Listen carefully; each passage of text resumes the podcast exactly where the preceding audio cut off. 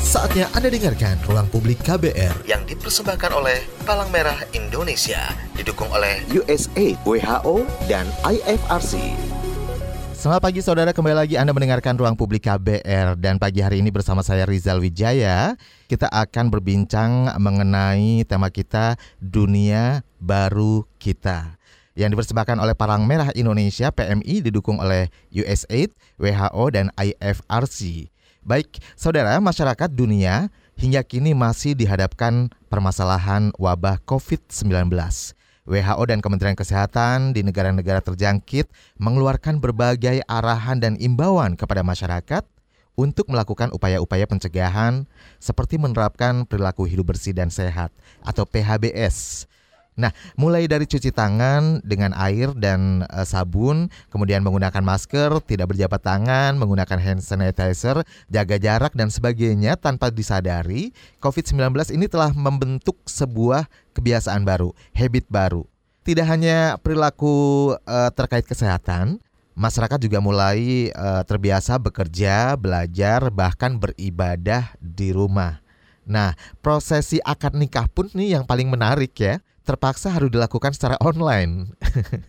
di beberapa tempat ada peristiwa pernikahan yang dilakukan secara online dan e, rasa empati kita juga semakin tinggi seperti membagikan makanan untuk sopir ojek online, membagikan sanitizer, membagikan masker dan sebagainya. Nah, kita benar-benar dihadapkan dengan dunia baru yang sebelumnya memang belum pernah kita rasakan. Dunia yang belum ada sebelumnya. Kita akan obrolin lebih dalam mengenai hal ini bersama dua narasumber yang sudah terhubung melalui uh, media Zoom ya pagi hari ini. Ada yang pertama Mbak Nursila Dewi, seorang praktisi komunikasi risiko. Selamat pagi Mbak Nursila Dewi. Pagi Mas Astrid, pagi semuanya. Sehat Mbak Sila? Sehat. Alhamdulillah. Berikutnya uh, ada Mas Astrid Firdianto, pelatih pertolongan pertama dan kesehatan berbasis masyarakat dari PMI. Selamat pagi. Mas Astrid. Pagi, Assalamualaikum. Waalaikumsalam. Pagi, Mas Rizal, Mbak Sila. Ini dua-duanya di Jakarta atau di mana nih? Atau lagi di luar kota nih? Wah, saya ini lagi karantina di kota Jambi. Terlockdown nggak bisa balik ke Jakarta atau memang di Jambi nih, Mas Astrid? Ya, domisili Jambi, KTP Jambi. Oh, Jadi okay. Jakartanya bolak-balik aja sesuai ya sekarang ya sesuai kebutuhan. Oke. Okay. Kalau Mbak Sila di Jakarta aja ya Mbak Sila ya? Di Jakarta. Deket. Meskipun kita social distancing pagi hari ini, tapi kita harapannya akan bisa menginspirasi obrolan kita, menginspirasi dan mengedukasi, mensosialisasikan beberapa yang penting tentang dunia baru kita. Nah, yang pertama uh, mungkin ke Mbak Sila dulu nih. Mbak Sila, ini hampir tiga bulan. Kalau kalau saya pribadi ini hampir tiga bulan ya, dan masyarakat mungkin umumnya juga hampir tiga bulan kita menjalani kehidupan yang tidak biasa, yang belum pernah ada sebelumnya. Nah, sejauh ini perubahan apa nih yang Mbak Sila pribadi rasakan? Kalau Mbak Sila sendiri dari berapa lama nih? Sama lah, kurang lebih. Kurang lebih tiga bulan ya? Kita. Bisa diceritakan dong Mbak perubahan apa nih yang Anda rasakan ini sebenarnya normal-normal aja, biasa aja atau sesuatu yang luar biasa atau seperti apa Mbak Sila? Kalau buat saya sesuatu yang luar biasa karena nggak eh, ke rumah, eh nggak keluar rumah lama itu kan eh, ekstrim ya. Kecuali kalau sakit gitu mungkin ya di rumah saja gitu. Tapi kalau sehari-hari kita keluar terus tiba-tiba harus di rumah nggak bisa keluar-keluar seenaknya dan kalau keluar banyak perkakasnya gitu ya perubahan besar. Hmm. Kalau yang yang yang dilakukan dilakukan Mbak Sila sendiri ini selama apa PSBB ini, selama pandemi, selama di rumah saja. Apakah sebelumnya pernah dilakukan juga dalam jangka lama stay at home gitu? Enggak. Pertama kali dalam hidup saya saya cuma di rumah aja selama dua minggu kayaknya benar-benar di rumah keluar pintu pun enggak gitu keluar pintu depan ya kalau pintu hmm. kamar bolak balik berarti aktivitas kamar mandi aktivitas tetap di rumah saja ya iya. work from home oke okay. ya. kalau kalau Mas Astri sendiri gimana nih perubahan apa yang Mas Astri rasakan yang pasti aktivitas jadi aduh Mas beda ya bangun hmm. tidur sama tidur lagi ngasain mataharinya gitu ya dulu kalau kita pernah paling seminggu dua minggu lah paling gitu ya tapi ini lebih dari sebulan, dua bulan lebih. Jadi lumayan parah juga. Walaupun kami di Jambi pernah tiga bulan tanpa matahari karena kabut asap 2015, tapi ini lebih parah menurut saya karena nggak kelihatan barangnya nih. Apa? Bukan barang ya, apa? Tak kasat yang mata. kita eh ya warningnya ini nggak kelihatan. Ancamannya nggak kelihatan ya. Betul. Jadi akhirnya eh, justru ini lebih lebih apa ya? Lebih mungkin lebih mengkhawatirkan gitu ya. Ya, Mas lebih menantang lah bagi saya. Kalau saya aspek-aspek positifnya ini kayak gitulah, ini PR besar gitu. Baik, baik, baik. Nah, ini dari yang eh, misalnya awalnya nih kan panik ya kebanyakan masyarakat kita nih begitu mendengar eh, ada pandemi ini panik. Kemudian belanja sejadi-jadinya sebanyak-banyaknya buat kebutuhan hidup seolah mau eh, lockdown bener-bener nih di dalam rumah terus.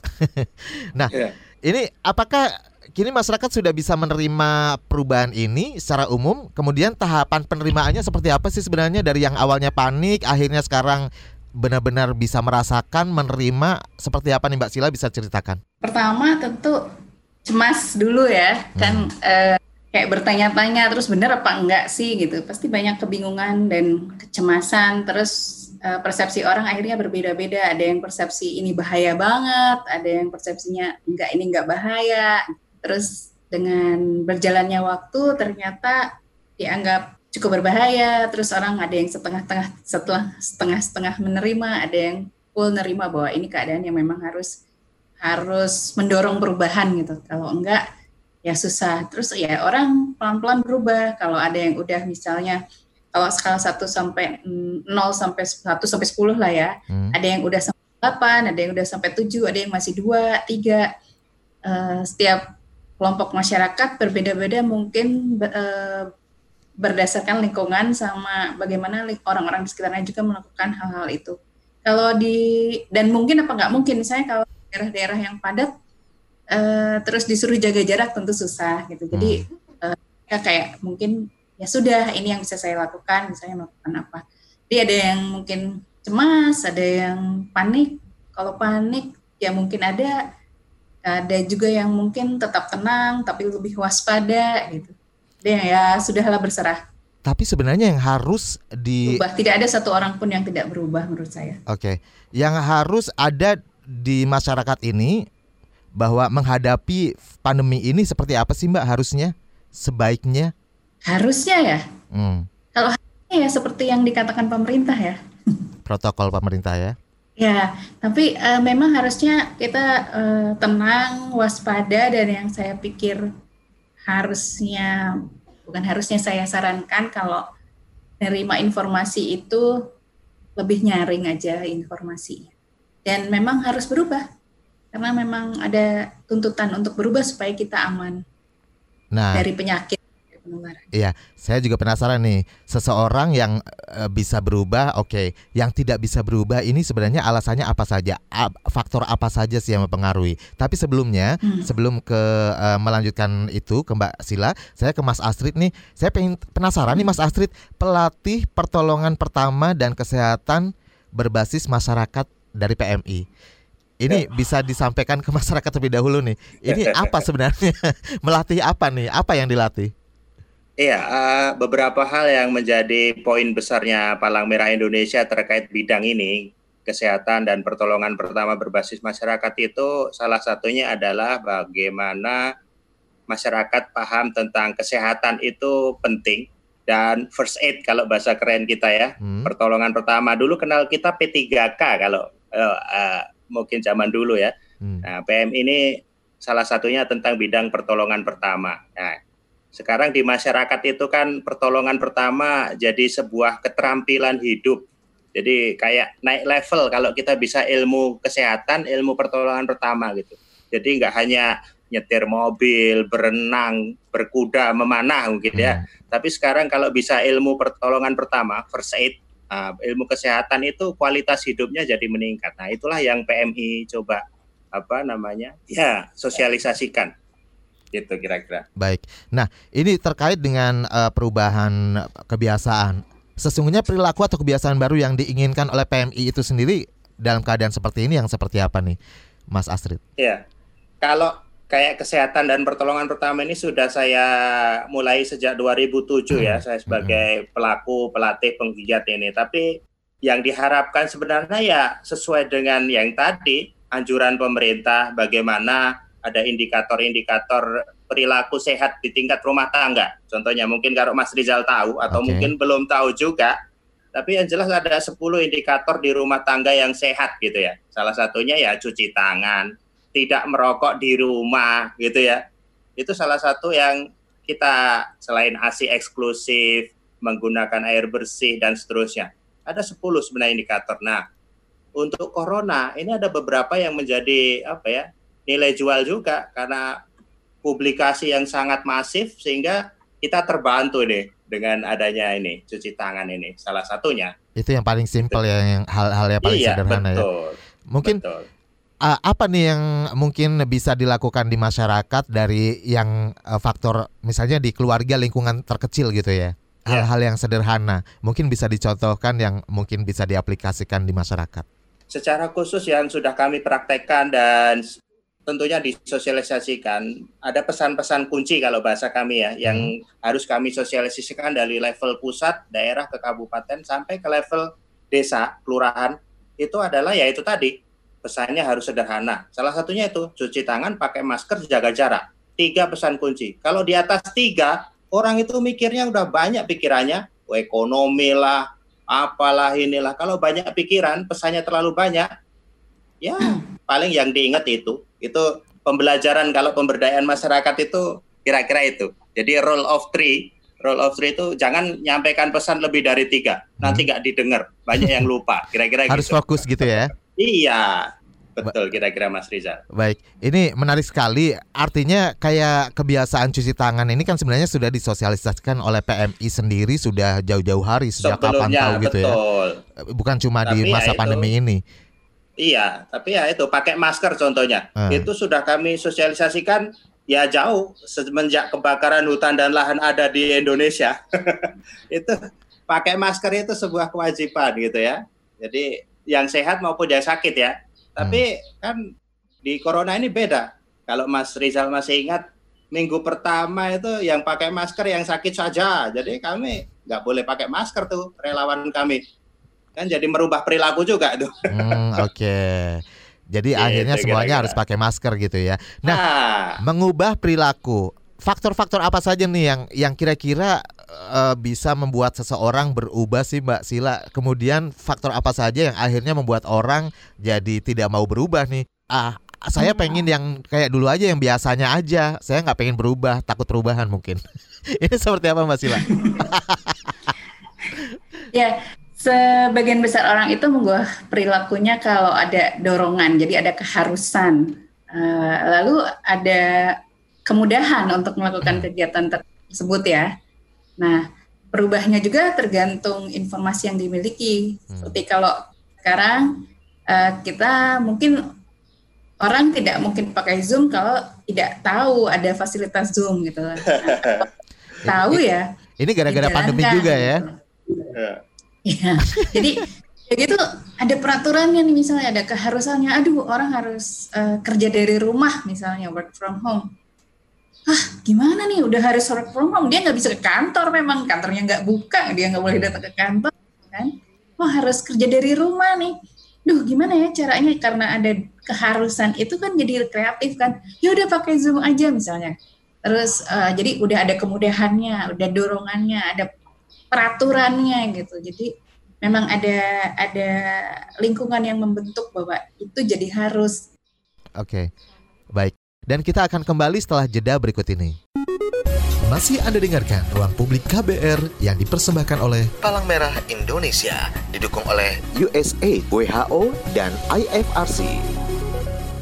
Anda masih bersama saya Rizal Wijaya di Ruang Publik KBR dengan tema Dunia Baru Kita bersama Palang Merah Indonesia, PMI didukung oleh USAID, WHO dan IFRC. Dan pagi hari ini kita juga eh, bersama dengan Mbak Nursila Dewi, praktisi komunikasi risiko, kemudian Mas Astrid Firdianto, pelatih pertolongan pertama dan kesehatan berbasis masyarakat PMI ya. Sebelum kita ngobrol-ngobrol lagi ya Mbak Sila dan juga Mas Astrid. Boleh ya, Ya. saya bacakan dulu ya Ya, WhatsApp-nya ya. lanjut. Oke. Uh, yang pertama ada Wawan di Tangerang. Selama masa karantina dan PSBB ini di daerah saya sama sekali tidak terlihat bahwa sedang ada PSBB. Masih banyak orang tidak pakai masker. Bahkan jadi ribut jika diminta pakai masker, ditegur gitu mungkin ya. Mereka juga tidak takut dengan sanksi atau hukuman yang berlaku. Sedih sekali saya melihat uh, hal ini kejadian ini. Nah, ini tanggapannya seperti apa nih Mbak Sila? Kenapa sih seseorang itu uh, faktornya apa sih yang menyebabkan mereka tidak mau berubah? Salah satunya. Ya, pertama dia pikir mungkin uh, keharusannya juga nggak seketat itu. Maksudnya nggak ada tiba-tiba ada aparat yang kamu pakai masker atau kamu mau dikasih masker kan? Oh berarti Terus, harus harus lebih ketat lagi gitu maksudnya? Mungkin ya. Terus orang juga kan berperilaku sesuai um, ap, apa yang dia anggap menguntungkan atau kalau nggak dilakukan dia akan merugi. Atau kalau dia ngerasa penting atau nggak penting. Jadi um, menurut dia mungkin ah nggak apa-apa kok ternyata um, saya sehat. Hmm. rasanya sih bisa tuh terus aja nggak pakai masker gitu. Atau merasa kehilangan kalau dia nggak nggak pakai masker dia merasa kehilangan kebebasannya. Jadi buat dia bisa nafas dengan enak tuh penting gitu. Kalau saya pakai masker, saya setiap hari jalan kaki. Misalnya harus di tengah panas sekian meter, sekian kilometer gitu kan. Ya saya nggak mau pakai masker. Gitu. Hmm. Bisa aja. Jadi memang tergantung masing-masing orang menganggap perubahan ini uh, seperti apa. Itu, itu penting apa enggak buat dia. Itu uh, menguntungkan apa enggak, berharga apa enggak buat okay. dia untuk dilakukan. Baik, selanjutnya saya sudah terhubung dengan Mas Tommy di Manado. Halo. Halo. Halo, selamat. Selamat pagi Pak Tommy. Pagi menjelang siang. Iya, di sana sudah siang ya Pak Tommy. Iya, sudah setengah sebelas. Baik, Pak Tommy silakan Pak Tommy dari Manado langsung saja. Mungkin bisa share pengalaman Pak ya, Tommy ya. selama selama ya, selama ya. karantina, selama di rumah saja. Selamat pagi. Pengalamannya Pak Tommy bisa dibagikan ke masyarakat di seluruh Indonesia. Ya, jadi begini Pak. Ini masa karantina ini sebagai warga negara kita termasuk warga dunia, kita tidak perlu sebetulnya mengeluh atau rasa keberatan. Kenapa? Karena yang dialami ini bukan hanya di negeri kita Indonesia ini, tapi ini warga dunia. Karena semua ini hanya rahasia Tuhan yang Maha Kuasa.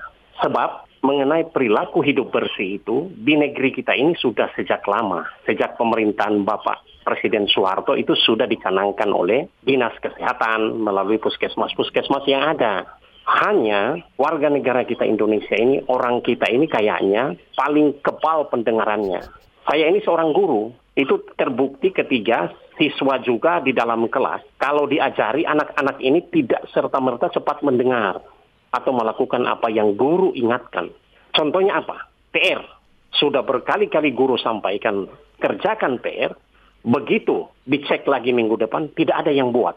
Jadi orang kita di Indonesia ini paling tidak memperhatikan kebersihan. Oke. Okay. Kalau pengalaman saya waktu saya berkunjung ke Amerika, hmm? saya pernah melihat penjahat pun dia membuang sampah itu pada tempatnya. Sedangkan orang kita Indonesia itu waktu di saya melihat sendiri di Manado sini. Hmm. Itu ketika tertulis buanglah sampah pada tempatnya, justru dari mobil itu sampahnya dibuang sembarangan di jalan.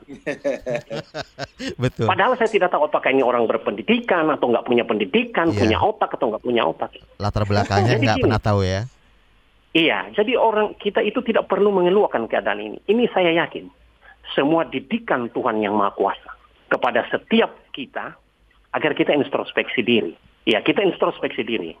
Karena semua ini memang betul virus ini sudah memakan korban, jadi saya juga turut ya berduka dengan saudara-saudara kita yang sudah meninggal maupun yang sedang berjuang okay. untuk kesembuhan. Baik. Kiranya Tuhan yang Maha Kuasa menolong dan menyembuhkan. Ya. Terima kasih Pak Tommy. Kita yang masih diberi kesempatan ini sehat. Ya. Kita juga harus kompromi dengan apa yang sudah diatur oleh pemerintah. Baik. Terima kasih Pak Tommy. Jangan Ya, Lu, kasih, luar biasa. Ya. Ini uh, pesan-pesannya banyak sekali yang uh, apa ya, maksudnya ngena banget sih sebenarnya ke masyarakat juga kan. Oke, ini Pak Astrid, Mas Astrid, ya, boleh siap. boleh boleh uh, mengenai sosialisasi, sosialisasi yang sering dilakukan oleh PMI salah satunya ya. sebagai garda terdepan juga ya PMI ya. Ya untuk urusan kesehatan nih. Nah, ini sebenarnya seperti apa sih kok masyarakat masih saja belum menyadari, awareness masyarakat masih belum meningkat? Uh, uh, dari beberapa pembelajaran yang pernah kami lakukan selama ini sebelum pandemi tentunya ya, itu ada beberapa elemen penting. Kasus dari Pak Tommy, Pak Guru tadi dari Manado tadi, itu jadi hal yang pembelajaran yang konkret juga. Bahwa orang mau berubah perilaku ke yang positif, itu butuh pengetahuan dulu yang pertama. Tahu nggak ini perilaku-perilaku positif ini gitu ya. Hmm. Kemudian setuju, ya kan? Dia baru setuju nih. Mau nggak? Mau setuju ada niat, baru mau melakukan itu. Nah, kalau sudah mau ajak-ajak, advokasi, ngajak yang lain, nah itu baru levelnya tinggi. Itu saya pikir tahapan perilaku yang kami pelajari, kami praktekkan, dan kami sampaikan kepada relawan. Mulai dari yang tadi, kalau di pandemi ya, cuci tangan. Benar sekali, kayak Pak Tommy. Cuci tangan itu udah zaman Pak Harto udah udah ada, tapi ya sekarang lebih masif lagi. Memang lebih masif. Mulai bangun tidur sampai tidur lagi beritanya tentang cuci tangan pakai masker jaga jarak ya udah okay. orang jadi apa ya masuk itu terus Baik. gitu kan jadinya berubah mereka. Ya. Mas Astrid, ini mengenai P PHBS uh, ya. menjadi salah satu acuan juga yang digadang-gadang oleh PM, uh, eh, PMI juga untuk sosialisasi ya. dan edukasi kepada masyarakat.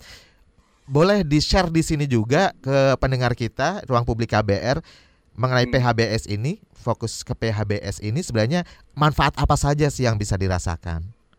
Ya, kenapa harus dilakukan? Yang, kenapa harus penting? Iya, uh, masyarakat itu butuh bukti sebenarnya. Kalau di lapangan itu ya, kalau teori-teori penelitian mungkin sudah jelas, tapi di lapangan mereka itu butuh bukti.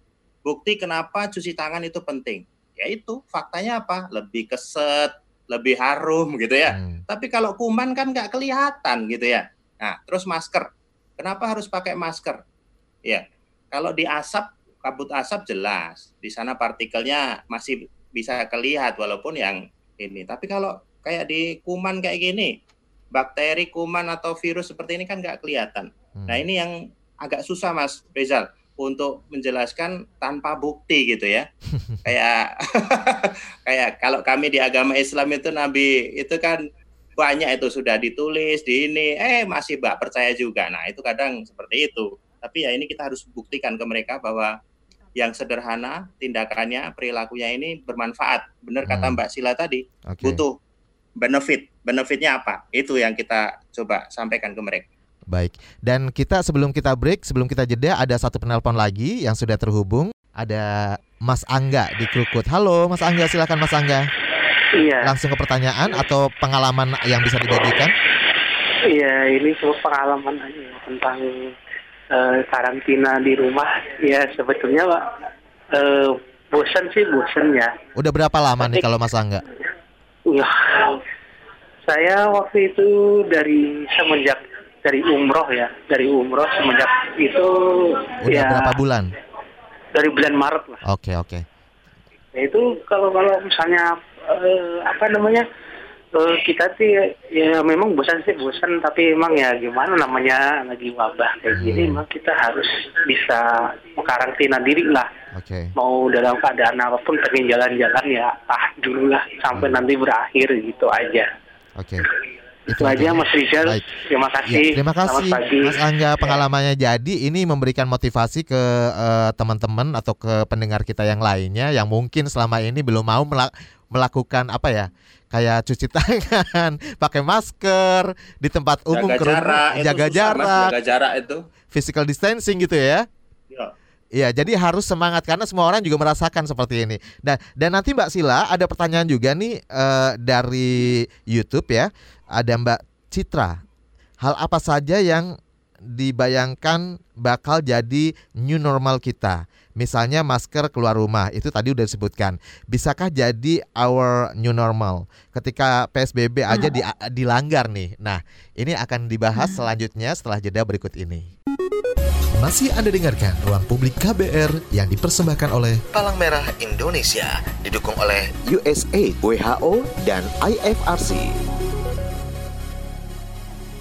Kita masih ngobrolin soal dunia baru kita di ruang publik KBR yang dipersembahkan Palang Merah Indonesia didukung oleh USAID, WHO dan juga IFRC. Saya juga masih bersama Mbak Nursila Dewi, praktisi komunikasi risiko, kemudian Mas Astrid Firdianto, pelatih pertolongan pertama dan kesehatan berbasis masyarakat eh, PMI. Dan sekali lagi Anda yang sedang mendengarkan pagi hari ini melalui 100 radio jaringan KBR di seluruh Indonesia bisa langsung telepon kami ya di 0800 140 3131 bagikan pengalaman Anda selama masa karantina selama pandemi ini. Kira-kira eh, apa nih yang dirasakan dari perubahan di dunia baru kita ini ya. Baik, dan nanti juga saya akan bacakan lagi beberapa SMS dan WhatsApp di 0812 Tapi sebelumnya menanggapi uh, dari pertanyaan Mbak Citra tadi melalui YouTube, apakah kenormalan baru ini uh, bentuknya seperti apa? Apakah termasuk penggunaan masker, cuci tangan, penggunaan sanitizer dan sebagainya? Ini boleh ditanggapin dulu, silakan Mbak Sila. Ya, biasanya perilaku yang bertahan itu minimal kalau tetap dirasakan perlu di tetap didorong dan diharuskan. Masalahnya tantangannya kan PSBB aja dilanggar ya Mbak ya.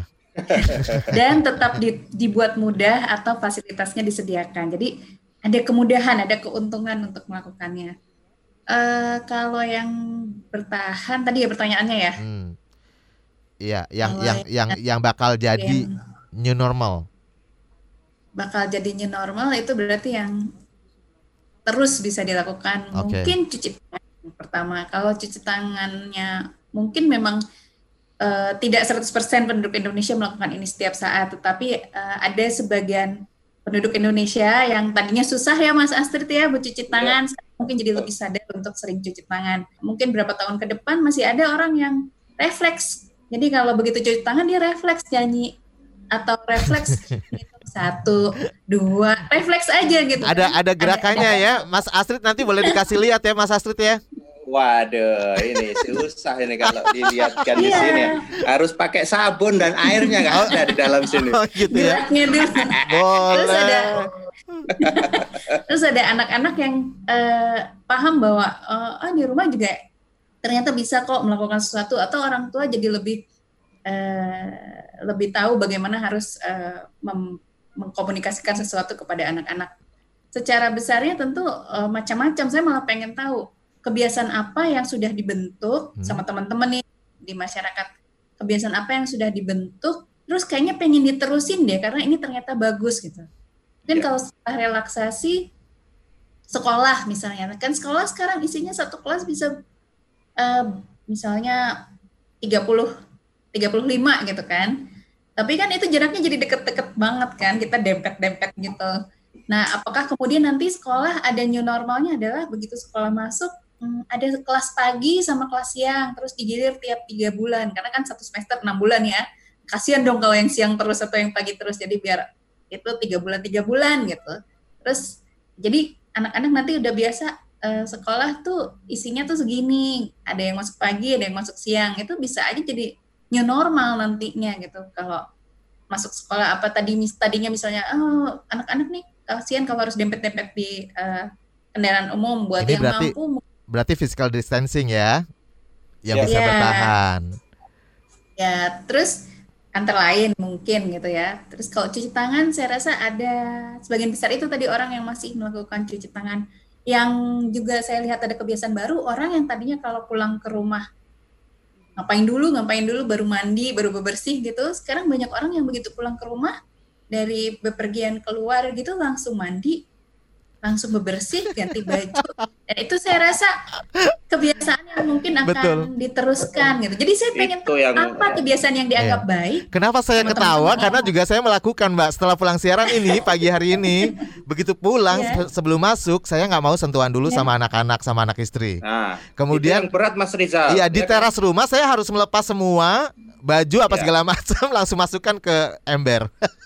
Nah itu new normal juga mas. Jadi kalau dulu kan buka-buka gitu misalnya ngapain sih orang buka-buka di depan gitu kelihatan orang terus kayak orang sekarang kayak ya dia lagi bebersih gitu santai aja Oke, kita tahan dulu karena uh, sudah tersambung juga dengan uh, Pak Heri di Tomohon. Tomohon itu Kalimantan ya? Sulawesi, Sulawesi, Sulawesi, sorry. Silakan Pak Heri Tomohon. Halo, selamat pagi. Selamat pagi Pak Heri Tomohon. Iya, lama ndak jumpa nih gara-gara tante COVID. Jadi begini. Di Tomohon uh, zona merah atau bukan nih? Uh, sempat zona merah tapi ya saya hijau-hijau aja, mana aja. Oh gitu. Nah Iya. ini boleh diceritakan nih eh, perasaannya ketika kenapa tiba-tiba udah zona merah tapi saya aman-aman aja hijau-hijau aja maksudnya gimana? Iya, jadi begini, awal-awalnya sih eh, jujur saja, walaupun kita beriman sama Tuhan, percaya mukjizat, tapi ya tegang masih jalan kan. Tapi ya begini, eh, ada orang yang semakin berdoa malah tambah stres, malah ingat eh, wabahnya. Jadi kalau tidak merubah cara berpikir, semua yang baik, indah, sedap didengar, pikirkanlah semuanya itu. Apa yang banyak kita pikirkan akan menimbulkan iman. Kalau kita iman maka bertindak. Jadi cara meresponnya, saya rubah respon dan itu saya tularkan ke seluruh anak-anak saya. Nah, jadi ini ancaman atau peluang. So itu saya menasihati anak-anak dan saat ini ya seluruh Indonesia nasihati, ayo kita ini kesempatan jangan menjadi generasi penikmat tapi pencipta. Kalau udah biasa menjadi generasi penikmat gadget dan seterusnya, maka bosan juga. Tapi kalau pencipta, kami tidak bosan tuh tidak ada kata bosan. Makanya saya agak bingung orang-orang bilang bosan, bosan, bosan. Ya biasa keluyuran barangkali ya. Nah, biasa jalan-jalan gitu loh. Nah, Logis. Generasi pencipta maksudnya apa? Nah, saya sekarang malah jadi lebih aktif jadi youtuber nih. Ye, mantap loh. Hmm. Kemudian anak saya juga walaupun sudah lulus, lulus tanpa graduation di sekolah, hanya lewat eh, apa online. eh, saya sebut mereka adalah eh, alumni corona. Dan mereka sibuk terus. Kenapa? Sekarang dia a- apa hobi musik, dia bikin Hmm. cover lagu, anak saya yang bikin ini dan seterusnya. Tidak bosan gitu loh. Jadi generasi pencipta. Nah, kemudian eh, ayo aktif dan istri juga begitu nggak nggak bosan Oke. karena apa? Sibuk. Nah, saat ini Hmm. dia coba membuka eh, usaha bakso frozen lewat Hmm. online dan seterusnya. Wah, ini Luar biasa ya.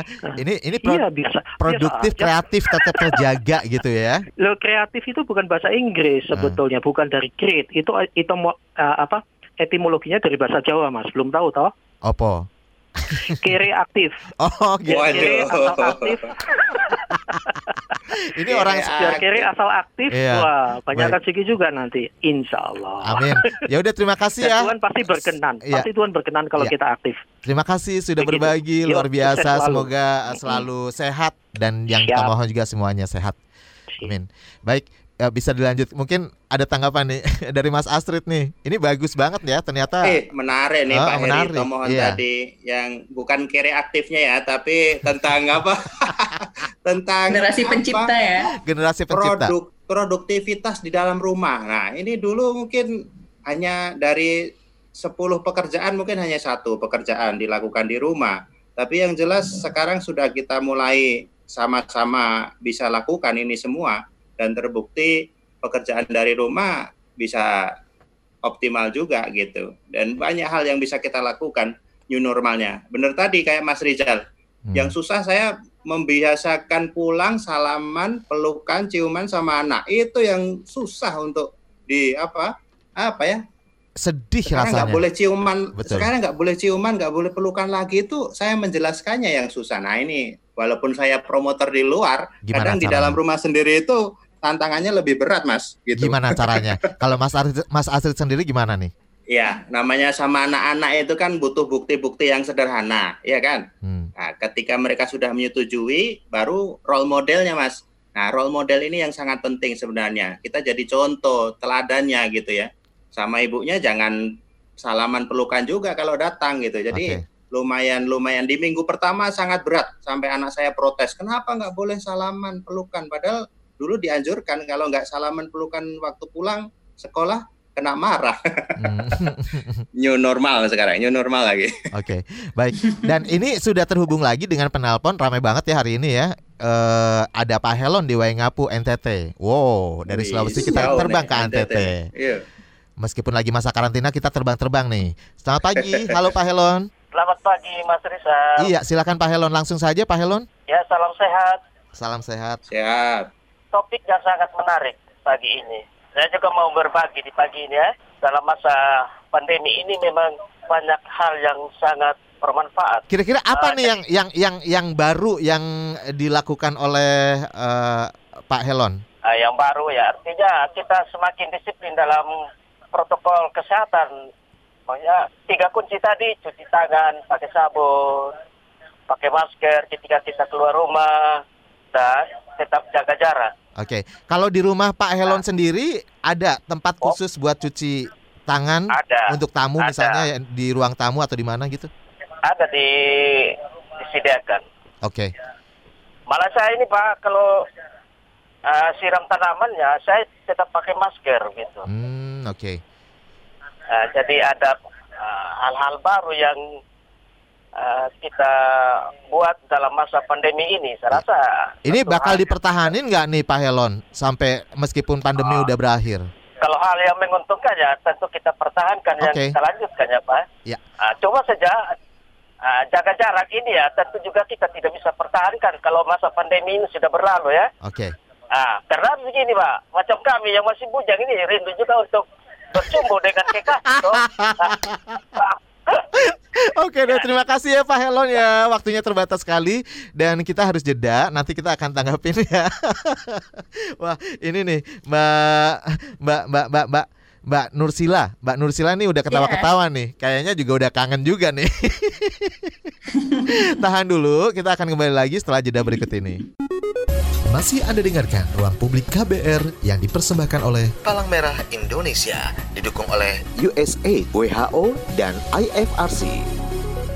Kita sampai di bagian akhir ruang publik KBR pagi hari ini yang dipersembahkan oleh Palang Merah Indonesia PMI didukung oleh USAID, WHO dan IFRC dengan tema Dunia Baru Kita. Dan masih bersama Mbak Nursila Dewi, praktisi komunikasi risiko, kemudian Mas Astrid Firdianto, pelatih pertolongan pertama dan kesehatan berbasis masyarakat atau PMI. Dan e, ternyata dari penelpon yang masuk ini semuanya positif semuanya, Mbak Sila. Ini tanggapannya kalau barusan dari Pak Helon di Ngapu nanam tanaman aja eh nanam apa namanya? Nyiramin tanaman aja itu pakai masker loh.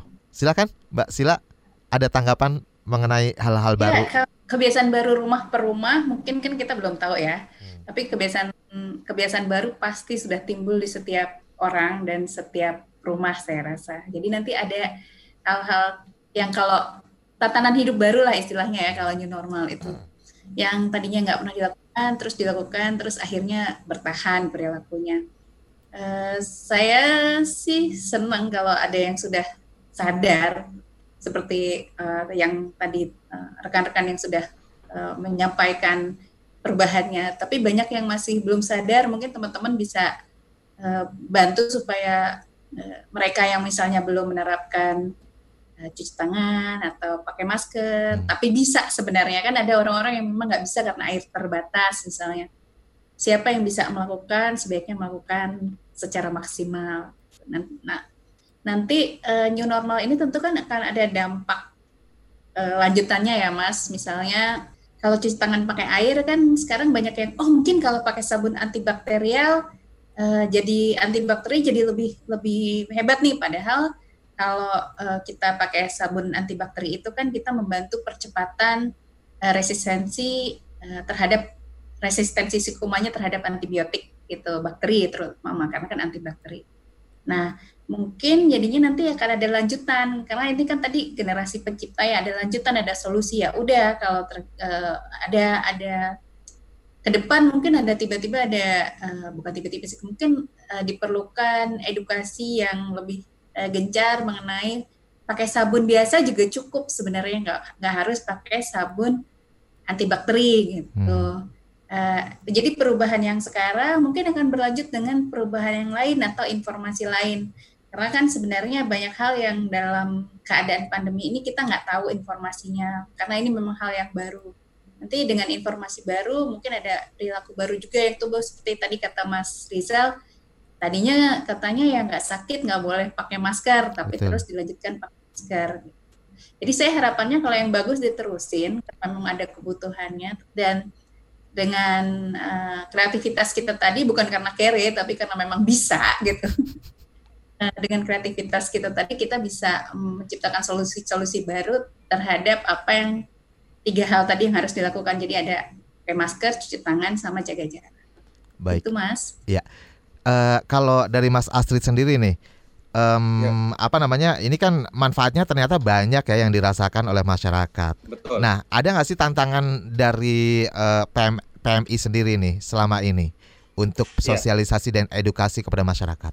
Uh, PR besarnya adalah ketika masyarakat lebih percaya terhadap ancaman atau threat gitu ya bahayanya daripada benefit atau keuntungannya. Nah ini yang perlu kita jadi apa namanya titik poin edukasi ketika masyarakat lebih setuju dengan ancaman ya udah kita gelontorin apa sosialisasinya ini hukumannya, ini kerugiannya, ini dampak negatifnya gitu ya. Jadi kita ambil sisi yang itunya gitu. Kayak orang mau hijrah atau apa ya, orang mau berubah itu kan titik-titik perubahannya di mana. Nah, itu kadang tidak bisa kita pukul rata, Mas. Apa namanya? Eh, perubahan itu tersentuhnya di mana gitu. Termasuk tadi pakai masker. Kan sekarang dilihat nih banyak kreativitas masker masker yang apa transparan okay. sampai saya sama istri buat masker batik yang lucu-lucu ah ya biar biar kita tetap modis juga keluar kan masa hmm. nggak mati gaya gitu ya Betul, okay. salah satunya. Nah, karena waktunya terbatas sekali nih dari Mbak Sila dan juga Mas Astrid, ada nggak himbauan atau pesan atau harapan, target apa pun deh yang ingin disampaikan kepada masyarakat pendengar kita? Sedikit saja. Mungkin ada himbauan ya, atau pesan kalau atau saya ya. himbauannya pasti kita nikmati sejarah ini karena kita belum tentu terulang lagi nih kondisi seperti ini. Kita nikmati dengan tetap waspada, tidak perlu takut, jangan jadi terlalu cemas. Yang penting kita bisa kayak tadi, peluang-peluang apa yang kreatif bisa kita lakukan dan tetap produktif. Gitu aja, Mas pesan saya. Oke. Okay. Semoga uh, upaya-upaya yang dilakukan oleh PMI dalam mendorong uh, ini apa peningkatan PHBS ini juga akan berjalan Amin. dengan baik ya. Amin. Dan tetap ya, sehat. Mendukung program pemerintah. Betul. Tetap. tetap sehat Mas Astrid.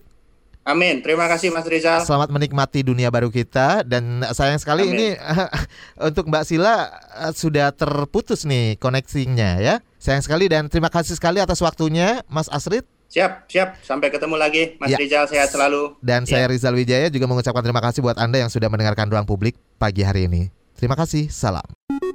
Baru saja Anda dengarkan Ruang Publik KBR yang dipersembahkan oleh Palang Merah Indonesia, didukung oleh USAID, WHO, dan IFRC.